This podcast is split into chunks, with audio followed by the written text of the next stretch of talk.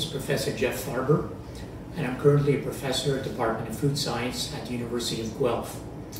Formerly, I was Director of Microbial Hazards, Bureau of Microbial Hazards, at Health Canada.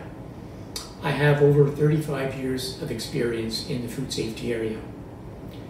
Today, what I'd like to do is dispel some of the myths that have been circulating around food safety and COVID 19. First off, I'd like to mention, I think very importantly, that to date there have been no reports of any illnesses linked to food or food packaging and the COVID 19 virus. So, what I'd like to do now is take you through food shopping.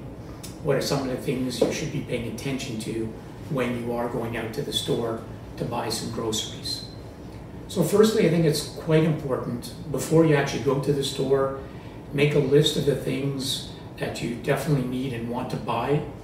And this is really to minimize the time that you actually spend in the store.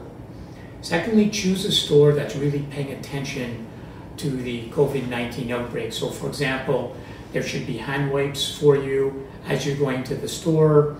You should be disinfecting the handles of uh, all the shopping carts um, that you may be using. And as well, practicing social distancing in the store and especially when you're exiting out paying for your groceries. When you're exiting out of the store, again, good practice would be to use a disinfectant wipe to disinfect your hands. Now, when you're getting home, you're bringing your groceries, for example, into your kitchen, put all your groceries down, go again and wash your hands with lukewarm water and soap for 20 seconds. Very good practice. Then go put all your groceries away into your cupboards. And then what you can do is, for good practice, is you can use uh, disinfectant or disinfectant wipe to wipe down all the surfaces where you actually put down your foods or your groceries. Once you've done that, again, you should be washing your hands with lukewarm water and soap. And again, of course, like we, we always practice in the food safety area, is that before you eat, you should be washing again your hands with lukewarm water and soap for a minimum of 20 seconds. Again, very good practice.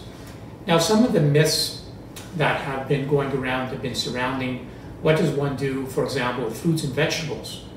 And some folks have been saying, for example, you should be using soap and water to wash your fruits and vegetables. This is definitely not recommended by food safety professionals.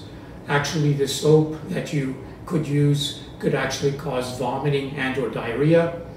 So please just wash your fruits and vegetables thoroughly with cold water as recommended by Health Canada and the Food and Drug Administration.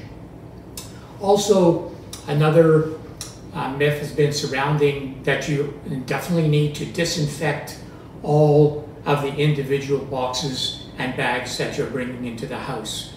You definitely do not need to do this as long as you're washing your hands well before and after you're handling the packages and when you sit down to eat. For those folks who may be in a high risk group and are very anxious about the COVID 19 virus, you can have the added precaution of wiping down each individual package with a disinfectant wipe. But again, it is definitely not recommended in general to do this. When you're doing this, and even the counters and your packages, it's a good practice to actually let the packages air dry. That's when some of the killing occurs uh, during the air drying, so that's also very good practice to do. Also, I'd like to direct you to some uh, very valuable websites. We have the one in Canada, canada.ca, uh, coronavirus, very good information.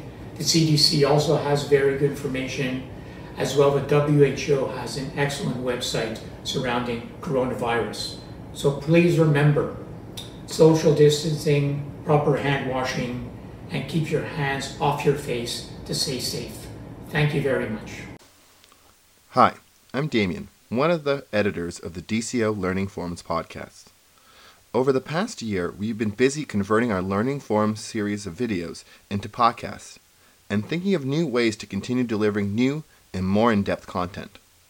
We've seen the demand, and we're announcing our move to podcast and our new tip jar function. Please consider going to tips.pinecast.com slash jar slash distress and crisis Ontario and donating. And in return, we'll be recording new follow up episodes on some of our most popular topics.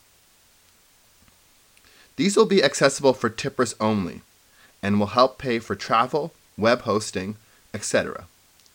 For the interim, you'll still be able to access existing content on both on both the Pinecast and Fireside feeds for free, but eventually we'll be making the switch to Pinecast.